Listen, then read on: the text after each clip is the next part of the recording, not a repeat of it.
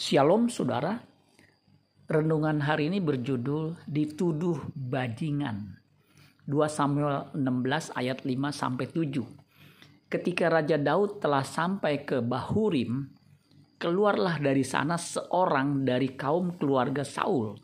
Ia bernama Simei bin Gera. Sambil mendekati raja, ia terus-menerus mengutuk.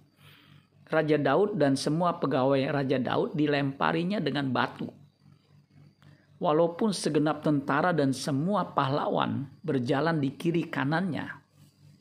Beginilah perkataan Simei pada waktu ia mengutuk. Enyahlah, enyahlah engkau penumpah darah orang Dursila.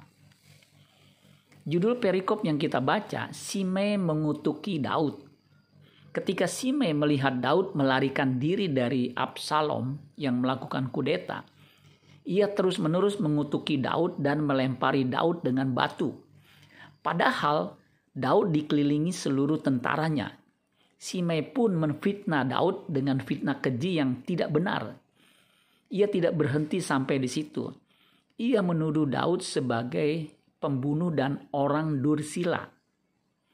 Orang dursila itu dari kata Yun Ibrani Belial yang artinya tidak berharga hina, tidak berguna. Bahkan ada yang menerjemahkan Belial dengan kata dalam bahasa Inggris, ini terjemahan New King James Version, rock. Rock yang artinya sangat kasar, yaitu bajingan atau bangsat. Jadi tuduhan dan fitnah yang dilakukan Sime sudah kelewat batas dan tidak pantas disampaikan kepada seorang raja. Itulah sebabnya seorang perwiranya hendak memenggal kepala Simei. Untung Daud mencegahnya. Meskipun diperlakukan seperti itu, Daud tetap legowo dan membiarkannya berlalu tanpa melakukan apa-apa. Ia bersama rombongannya melanjutkan perjalanannya tanpa membalas. Padahal ia sangat mungkin untuk melakukannya. Apa yang selanjutnya terjadi dengan Sime.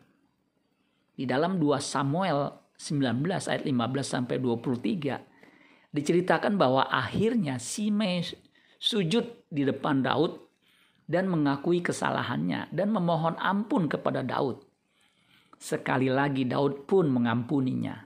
Satu kata untuk Daud, luar biasa. Saya menyaksikan bagaimana presiden kita dihujat, dihina, dan difitnah, bahkan dituduh represif. Saya memperhatikan beliau tidak membalas, malah seolah-olah membiarkannya begitu saja. Justru karena kesederhanaan sikapnya itu, ia menundukkan dan meluluh lantakan lawan-lawannya tanpa kekerasan.